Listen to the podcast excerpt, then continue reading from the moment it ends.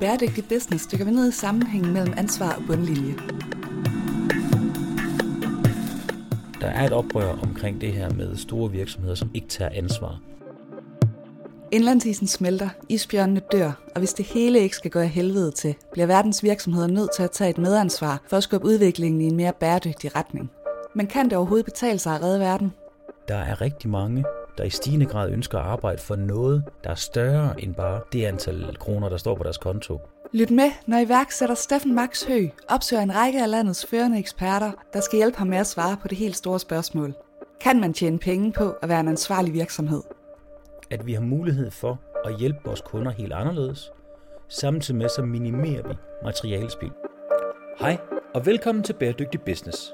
Podcasten, hvor vi undersøger, om det kan betale sig at tage et bæredygtigt ansvar.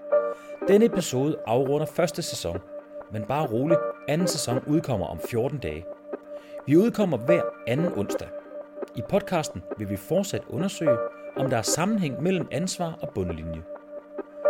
Vi har allerede rigtig mange spændende episoder i støbeskeen, men vi er altid åbne for forslag, og vi vil meget gerne høre fra dig, hvis du har noget, som du mener, vi skal tage op i podcasten. Den sidste episode hedder Ananas i egen juice, fordi den handler om 3R kontor, og jeg selv er gæst. Så hej, Andrew. Vil du ikke uh, lægge ud og lige fortælle de gode mennesker, der lytter til Bæredygtig Business, hvem det er, du er, og hvad du går og laver? Jo, altså det er jo, det er jo mit home turf, vi sidder i lige nu. Det er mit studie, som du låner en gang imellem, og det gør jeg gladeligt, fordi du har været så rar og give mig nogle møbler, så, så vi sidder rigtig behageligt. Øhm, men det, jeg sådan set laver, det er podcast, så, så det giver jo god mening, at, øh, at du kommer til mig, når du vil have noget øh, øh, hjælp. Øhm, og øh, jeg producerer for andre virksomheder, og øh, det har vi gjort i en tre års tid nu. Vi ligger i hjertet af Aarhus, og øh, i dag skal vi snakke om dig. Så jeg vil, jeg vil faktisk ikke fortælle så meget mere. Folk kan gå ind på akurator.dk, hvis de gerne vil vide mere. Men vi skal snakke om det her med øh, 3R-kontor. Øhm, og man kan sige, igennem den her podcast-serie har du interviewet mange, som har med, som har med bæredygtige øh, øh, forretninger at gøre. Men du er jo også selv involveret i det. Så jeg synes næsten, vi skal starte med, øh, at du fortæller, hvorfor, hvorfor skal der være en podcast-episode om 3R-kontor?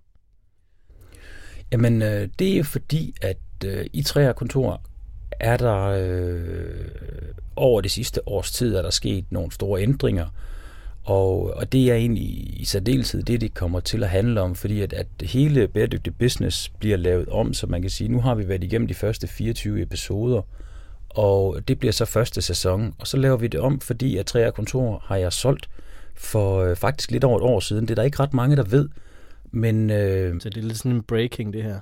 Det er sådan lidt breaking. Ja. Altså, det, øh, der er selvfølgelig en marketingsafdeling, der er lidt inde over det før også, men, men det bliver naturligvis lidt en del af det, det her.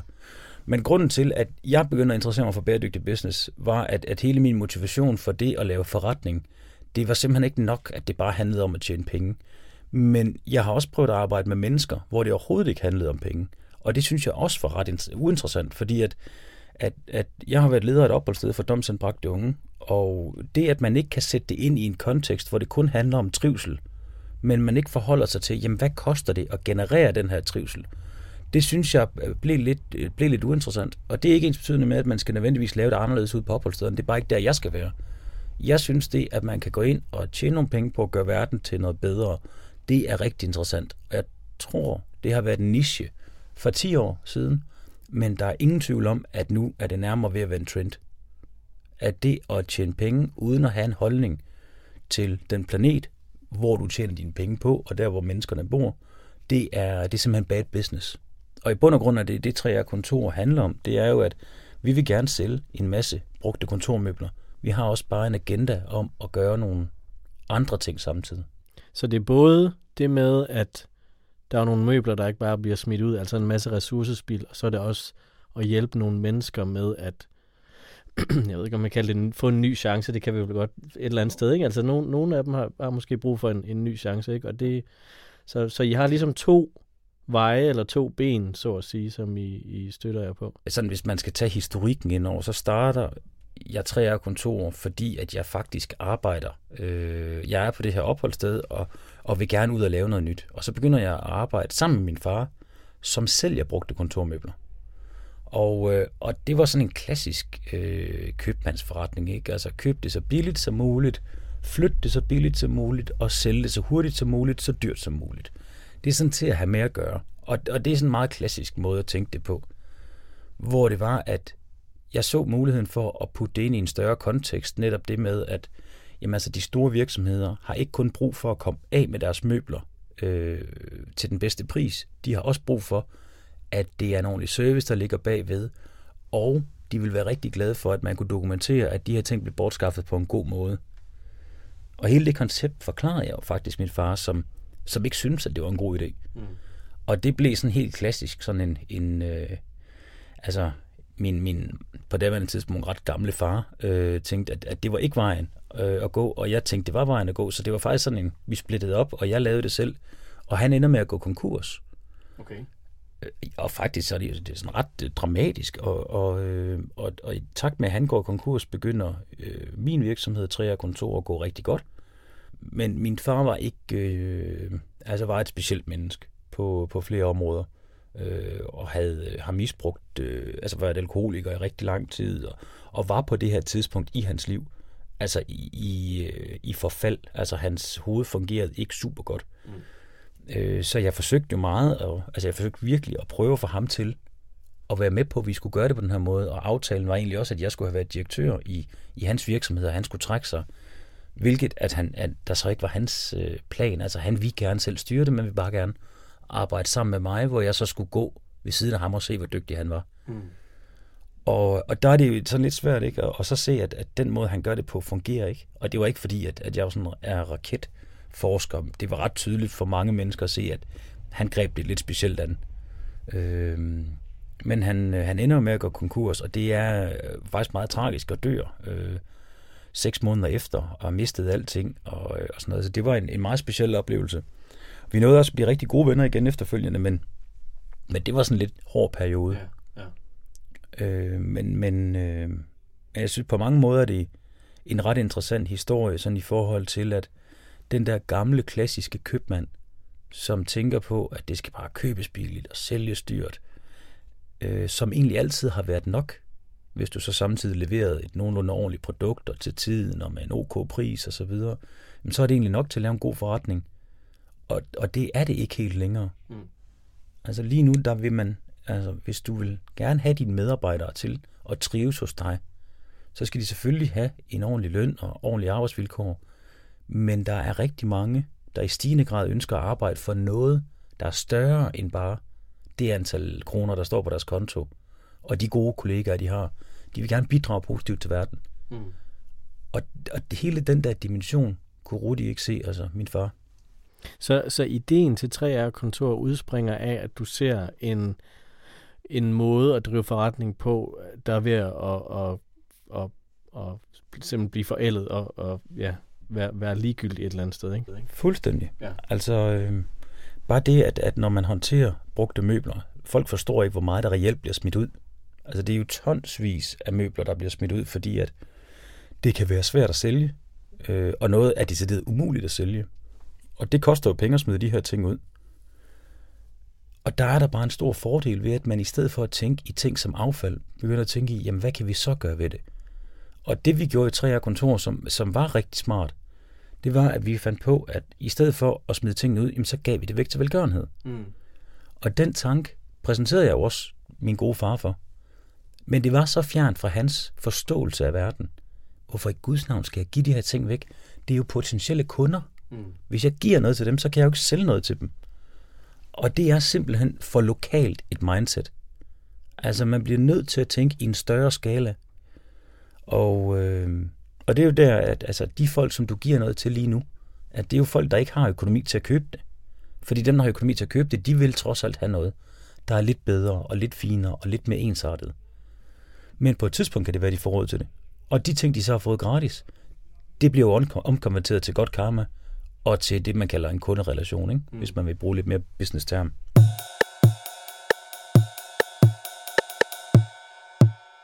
Altså man kan sige, at tre kontor som, øh, som vi har heddet og i lang tid, det er en virksomhed, som køber brugte møbler, sælger det bedste. Alt andet, det donerer vi væk til velgørenhed, og det, der er tilbage, hvis der er noget tilbage, det bliver nedbrudt og genanvendt. Så en meget, meget grøn forretningsmodel. Da jeg lavede 3R-kontor, så fik jeg meget hurtigt en makker, og, og, og der er ingen tvivl om, at, at uden Jakob, så havde, havde 3R-kontor slet ikke været det, det er i dag. Øh, nu lyder det jo enormt stort, og det er det jo så bestemt heller ikke, men... Hvordan sørger vi for at informere nok om det her? Det, jeg tror, det er det, der er det største problem i det her med vores planet, som øh, ikke har det særlig godt. Altså information er helt klart en del af det, men, men i min verden er det ikke det, der løser det. Det, der løser de her ting, det er, at vi skal have, vi skal begynde at tænke anderledes. Og, øh, og noget af det, som der kommer til at ske rigtig meget i fremtiden, det er, at vi kommer til at lege vores ting i stedet for. Man har hørt lidt om det, ikke? Alle folk snakker, Spotify, hvor er det smart, så leger du dit musik, i stedet for, at du ejer det. Og det er rigtig smart, og Spotify har en rigtig fin forretning, og Netflix har en rigtig god forretning på at lege deres øh, tv-serier ud. Men det kommer vi til at se meget, meget mere af. Og der, det kræver nok lige, at man dykker lidt ned i det, for at man kan gennemskue, hvorfor at det, at når folk leger tingene, at der er en gigantisk miljømæssig forretning i det, eller miljømæssig positiv forbedring i det. Og det er, at øh, der er et sådan relativt kendt begreb, der hedder programmeret død. Og det er, at, at det er sjovt nok sådan, at når forretningsmodellen handler om, at du laver en enhed og sælger din enhed, og kunden så ejer enheden, jamen så forretningsmodellen bygger jo egentlig på, at den der enhed på et tidspunkt skal gå i stykker, mm. sådan så kunden kan købe en ny. Og det vi alle sammen venter på, det er, at lige så snart du kan sende altså du kan lave gratis logistik. Det vil sige en bil, der mere eller mindre er gratis, fordi der ikke er nogen lønomkostninger. Ergo den førerløs bil. Og den bil, den kan køre CO2-neutralt. Så betyder det, at du kan flytte alting rundt. Fordi lige nu er problemet, at der er rigtig mange ting, når de er brugte, så har de ikke nogen værdi længere. Fordi det er, at du kan gå ud og købe noget nyt meget, meget billigt. Og det er fordi det, man kalder jomfruelige materialer, altså sprit nye materialer, de er rasende billige. Fordi hele verden igennem de sidste 100 år, det som man kalder oliens århundrede, ikke? lige siden vi fandt det der olie, så kunne vi begynde at lave maskiner, og så kunne vi producere som en vanvittig. Det har gjort, at vi har strømlignet, at i den ene ende af vores butik, der kommer der nye materialer ind. Ind i butikken, der bliver de lavet, eller ind i fabrikken bliver de lavet om til noget, og så ryger de ud i nogle biler ud til alle verdens borgere. Så vi har slet ikke den her model, hvor det er, at det bliver cirkulært, hvor vi blander det hele sammen, sådan så det er, at vi producerer, sælger, til kunden. Kunden bruger det ikke mere, vi tager det retur, nedbryder det og bygger det op til noget nyt igen. Og det er det, vi er ved at etablere. Og det kan vi gøre med møbler, fordi det er, at vi stadigvæk kan sælge noget af det og tjene nogle penge på det. Da vi, inden, inden vi startede, øh, eller tændte for mikrofonerne, så fortalte du mig også noget om verdensmålene. Øh, og det tænker jeg, det skal du lige forklare, nu hvor vi har tændt dem, og lige fortælle, hvad det er, og hvordan I arbejder med de her verdensmål her. Ja, altså det der jo er med, med verdensmålene, det er i, i 2015 faktisk nogenlunde på samme tidspunkt, som vi lavede 3R-kontor. Øh, ikke at der er nogen sammenligning der. Jeg tror, at, at nede i FN, der stod for at lave de her verdensmål, de var nok lidt ligeglade med træer og kontor. Men jeg bilder mig ind en gang imellem, at de har skænket os en tanke. Men der blev sluttet man, at øh, vi bliver simpelthen nødt til at gøre noget inden for nogle forskellige områder. Og, øh, og det er blandt andet klima, men det er også øh, livet i havet, og det er også øh, ligestilling. Og det, altså det vil sige, få flere kvinder på arbejde i, øh, i, øh, i særligt i, i udlandet, i øh, lande, hvor der ikke er så mange kvinder i arbejde. Men det er også i forhold til ressourcespil. Der har man lavet 17 verdensmål, og siger, de her 17 verdensmål, det er det, vi skal nå inden 2030, hvis vi skal have fikset den her planet. Det, der er så unikt omkring verdensmålene, det er, at alle lande er med i det. Der er kun to lande, der ikke er med. Og det er ikke ret mange. Og alle de andre lande, de er committed på, øh, altså på ministerniveau. Så det er helt op på præsidentniveau og så videre. Ikke? Så det her, det er noget, man rykker efter. Og i 2015, der startede det med, at det var sådan en masse øh, NGO'er og forskellige folk, der sådan var inde over det, og selvfølgelig FN, der stod primært bag ved det. Men så begyndte der at komme rigtig mange øh, virksomheder ned, og synes det her det var egentlig meget spændende, fordi lige pludselig blev verdensmålene det, som alle stræber efter. Altså skoler, kommuner, det offentlige, men også virksomheder og alle mulige andre.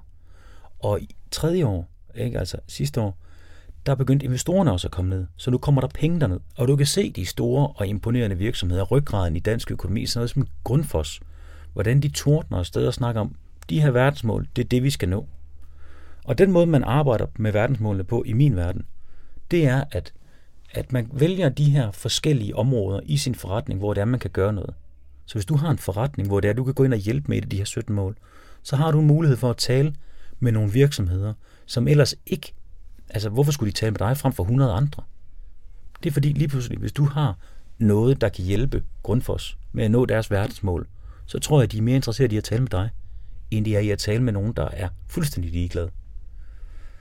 Og så er der en fundamental ting, det er, at lige nu, hvis du ikke har styr på din forretning, styr på, at du ikke ender i en, populært sagt, en shitstorm, jamen så kan du smadre hele din forretning overnight.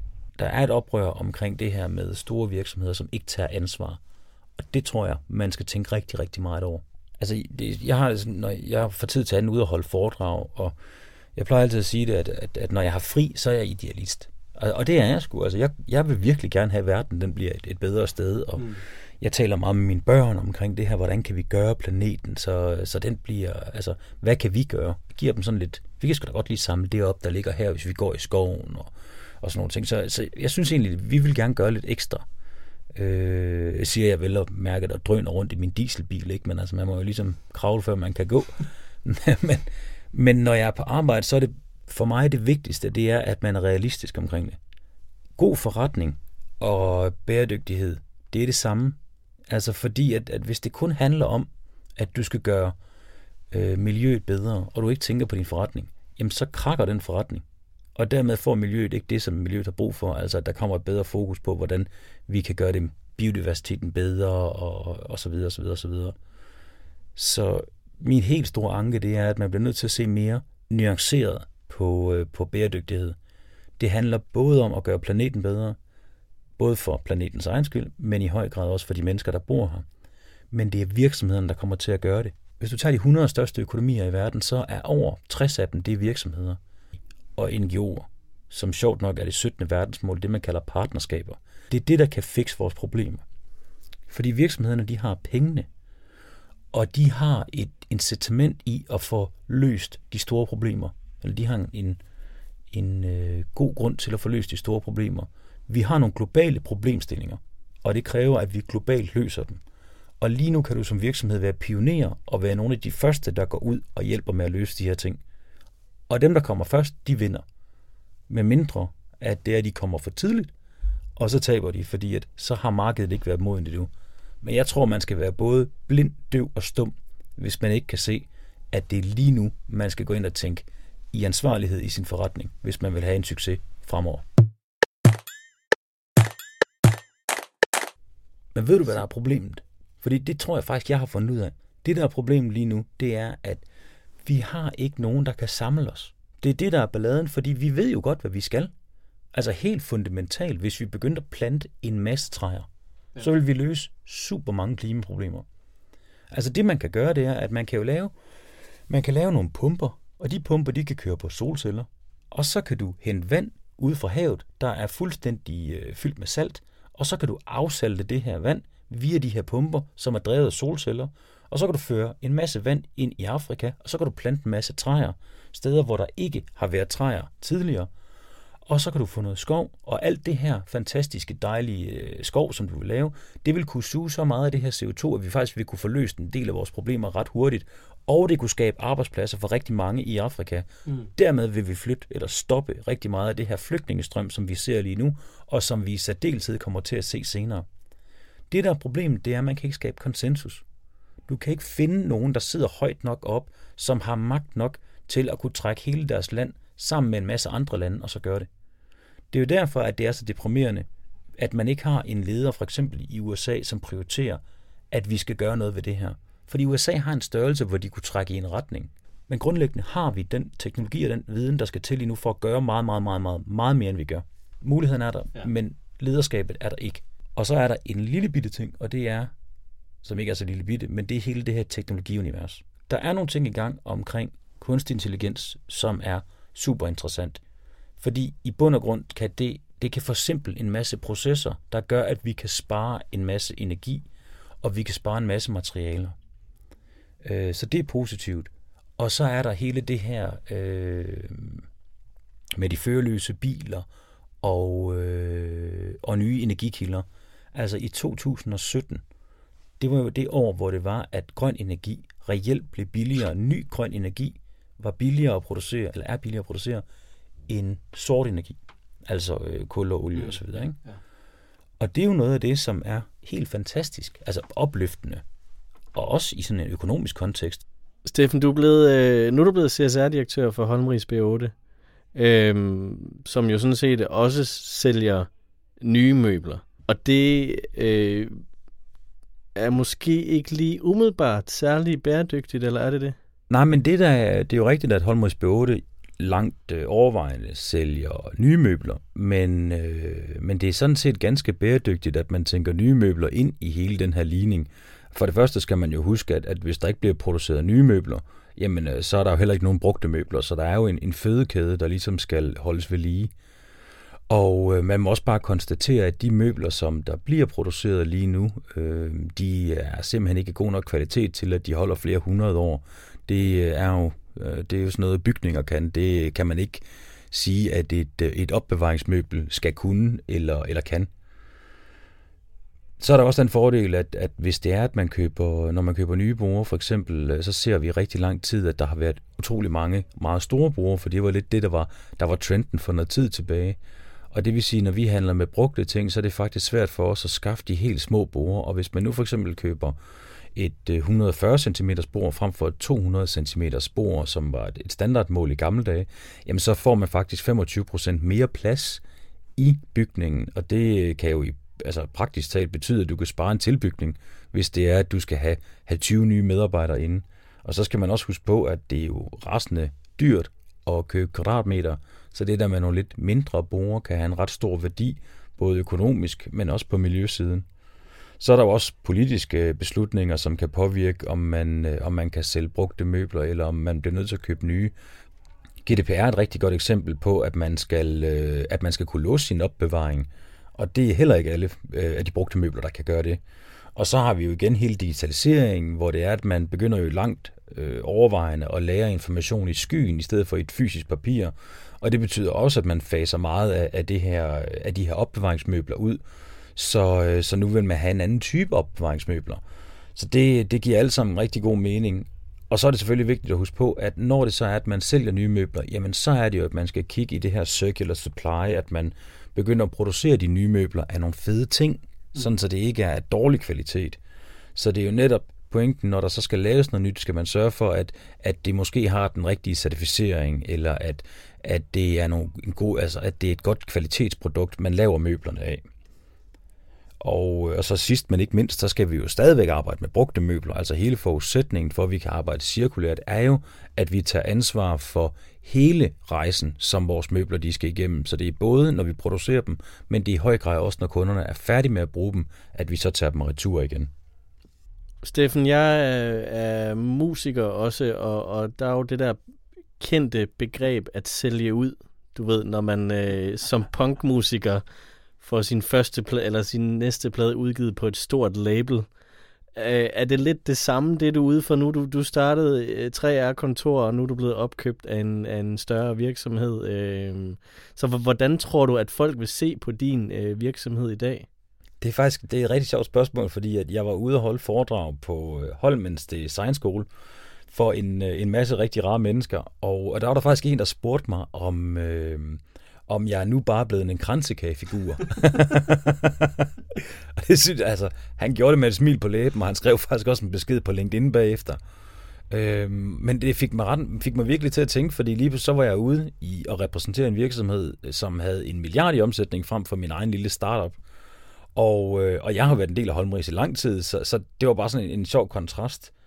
Men, øh, men, men generelt er der bare rigtig mange mennesker, som har øh, den her mistro til, til store virksomheder, og, og med rette, fordi der er mange virksomheder, store virksomheder igennem tiden, som ikke har været cool, og som ikke har gjort tingene, som man skal gøre det. Men, øh, men det er overbevist om, det kommer til at ændre sig. Fordi at, øh, at, at forbrugerne og medarbejderne, de er meget mere værdiborgerne, end, end de nogensinde har været. Og det tror jeg, man kommer til at se øh, påvirke virksomhedernes incitamenter eller det kommer til at påvirke virksomhedernes interesse rigtig, rigtig meget. Altså forbrugerne, de gider ikke at købe produkter ved virksomheder, der ikke tager ansvar, og medarbejderne gider ikke arbejde ved virksomheder, der ikke tager ansvar. Så jeg tror, at tiden er inde til, at man i høj grad godt kan stole på virksomhederne. Og, øh, og det har rigtig meget at gøre med, at, at rent rationelt giver det simpelthen mening.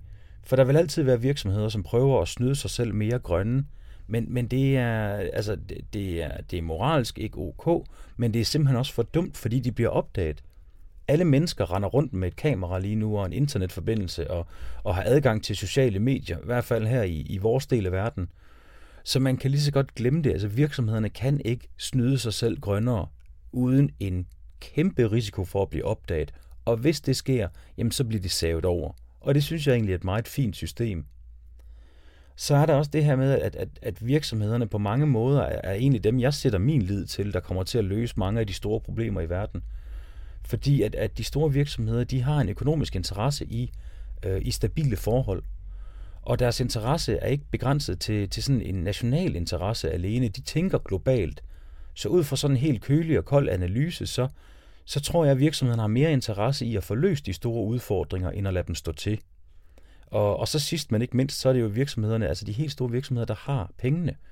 Og, øh, og de udfordringer, vi står overfor lige nu, jamen dem kan vi ikke øh, spare os ud af. Altså vi skal vækste os ud af det.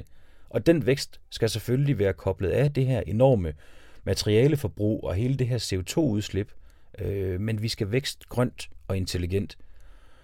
Og derfor har jeg egentlig en ret stor tillid til, at, at hele den måde, som man ser på, på de store virksomheder på, det vil ændre sig. Fordi der vil være hardcore god business i at være en virksomhed, som gør en positiv forskel. Dels fordi forbrugerne de vil købe dit produkt, og dels fordi at medarbejderne, som der er mangel på, de vil flokkes omkring dig. Hvad endte du med at svare ham, der spurgte, om du var en kransekage? Jamen, det var, øh, det var rigtig rart, fordi at jeg havde faktisk en kollega med, og øh, jeg endte med at sige noget, eller at det, jeg synes, det var, jeg, jeg grinede først, og så sagde jeg, at jeg synes, det var en lidt hård dom at fælde over, og det svarer lidt til, at man går ned i den lokale dagligvarehandel, og så øh, finder man en økologisk mælk, og så går man hen og tager en agurk og råber, hvorfor har I ikke øh, certificeret den her agurk, eller hvorfor er agurken ikke økologisk? Mm. Og det, er, altså, det handler lidt om det her med, at, at man kan altid mistro folks intentioner og virksomheders intentioner. Og lige nu er der ikke nogen, der har den fulde løsning. Så du vil altid kunne sige, jamen det er fint nok, Lego, I arbejder med at få noget nyt materiale og lave jeres Lego-klodser af, som jo er bekendt at lave af plastik. Mm. Men, men det tror vi ikke på, at det kommer til at ske. Og det er jo, altså, vi bliver nødt til at, øh, vi bliver nødt til at stole på, at der er nogen, der gør noget. Og så skal man jo ikke være blåøjet. Grunden til, at vi alle sammen tror på, at Lego er i gang med at lave noget helt fantastisk og finde et nyt materiale, det er jo fordi, de har sat en milliard kroner af til at løse det her problem. Og de har sat en masse folk af til at sidde og arbejde med det her. Og, øh, og det er jo det samme i det her tilfælde. Jeg synes ikke, at man skal skyde os ned, fordi det er, at vi kun i situationstegn øh, sælger for 15, kron, øh, 15 millioner kroner brugte møbler om året, når vi sælger for en milliard nye møbler. Men det er jo trods alt et sted at starte. Mm. Vi er jo i gang med at lave et system og lave den her ændring. Og så sidst men ikke mindst, så, øh, så er det jo altså også et spørgsmål om, hvad det er folk, de vælger at købe. Fordi forbrugerne har jo utrolig meget magt, når de går ud med deres indkøbskur. Men for os kommer det til at handle rigtig meget om, at vi vil gerne lave et øh, netværk, hvor vi får distribueret alle de møbler, der ikke har nogen værdi rundt. Og så vil vi lave flere partnerskaber. Og de partnerskaber skal helt specifikt handle om, at vi vil have det offentlige til at, altså de forskellige kommuner til at indgå et samarbejde mellem, at, at vi tager deres brugte møbler retur og sætter det i stand og sætter det tilbage til dem. Så de ikke behøver at købe nye møbler hele tiden. Og, øh, og så, så kigger vi rigtig meget ned i hele det her teknologiunivers. Fordi at noget af det, der er lidt spændende, når man tænker på møbler og indretning, det er, at, at man bliver nødt til at have mere styr over, hvad er det for nogle ting, man har. Så man skal have mærket alle de her ting op. De skal være registreret, og du skal kunne track dem, du skal vide, hvor tingene er. Så hvis ting går i stykker, kan du finde det og reparere det. Og når det skal skiftes ud, så ved du, hvor mange enheder du har. Og teknologi og bæredygtighed går rigtig godt hånd i hånd. Det, der kommer til at ske fremadrettet, fordi nu har vi to jo sludret lidt, men det er, at, at nu kommer vi til at lave sæson 2. Og, øh, og det betyder jo ikke, at, øh, at, at det kommer til at ændre sig super meget, men, men det betyder egentlig bare, at vi kommer til at have stadigvæk et fokus på det her med forretning, men i høj grad også på de virksomheder, som kan finde ud af at lave forretning, samtidig med, at de laver noget positivt. Og øh, så det er, det, er, det er mere af det, vi kender, men med mere fokus på de, de store virksomheder, og så på alt det, der sker inden for, for bæredygtighedsuniverset. Fordi jeg synes, det er en rigtig god pointe, det du siger med, at lige holde fokus på det positive. Altså, der er rigtig mange fede ting i gang, og det vil vi gerne være med til at, at undersøge, hvad det er, og sørge for, at folk de er opdateret. Og så synes jeg også, det er sjovt at snakke med nogle mennesker, som selv brænder for at, øh, at lave nogle fede forretninger. Så, øh, så vi glæder os til at, at fortsætte. Og grundlæggende, så skal man huske på, at det har aldrig set så godt ud for mennesker. Altså, der har aldrig været så få fattige som overhovedet, eller som der er lige nu. Altså, der, der er så få, der sulter. Det er klart, der er nogle problemer, men altså, dengang, at, at jeg var dreng, der rendte jeg rundt ud på legepladsen og snakkede om, om den kolde krig, altså om, om atomkapløb, der var mellem USA og Rusland. Det var noget, der var inde i mit hoved som barn. Og så, så der er jo selvfølgelig problemer nu, og der er terror, men der er aldrig så få mennesker, der er døde af terror, mm. som der er lige nu. Vi lever også i en tid, hvor der er, der er rigtig mange medier, som rigtig gerne vil fortælle om, hvordan det er, at altså alt det frygtelige, fordi det genererer en masse omtale. Så vi er på rette vej. Men når det så er sagt, så har vi opdaget, at de sidste 100 år har vi gjort ting på en bestemt måde, og det har skabt velstand, der har gjort, at folk er kommet ud af fattigdom. Men nu skal vi sadle om, og det kan vi godt nå, men det kræver, og det er nok der, det gode råd det kommer, det er, at jeg synes, at folk skal være mere krævende over for der, hvor de køber deres ting, ja. over for producenterne. Jeg synes, de skal stille spørgsmålstegn ved, har jeg lyst til at støtte den her virksomhed med mine penge? Fordi om vi ved det eller ej, så er det det, der gør rigtig, rigtig meget. Så vær nu lidt kritisk over for, hvor det er, du ligger dine penge. Og øh, vi lever jo i, i en verdensdel, og særligt i et land, hvor det er, at vi bare har rigtig, rigtig mange ting. Det betyder ikke, at jeg negligerer, at der er rigtig mange mennesker, der har det skidt, fordi det er der virkelig. Ensomheden har jo aldrig været højere blandt unge mennesker, end, øh, og blandt mennesker generelt, end den er lige nu. Men vi har så meget, så mange ting. Mm. Jeg tror, vi skal til at gøre lidt op med, hvor mange ting har vi reelt brug for, og når vi så køber noget, så køb det ved dem, der gør sig umage. Køb din sushi, der hvor det er, at, at risen er økologisk, og der hvor fisken er MSC-certificeret. Ja. Køb noget træ, der er ordentligt. Køb et hus, hvor det er, der er tænkt over, hvordan man passer på varmen derinde. Og øh, køb din mad, sådan som du godt kan lide den. Men find de virksomheder, som har lyst til at gøre noget for planeten, og så støt dem. Tusind tak, fordi jeg må være gæst i, øh, i mit eget program. Tak, fordi jeg måtte være vært. Jeg håber, vi skal gøre det igen. Jamen, det kan sagtens være.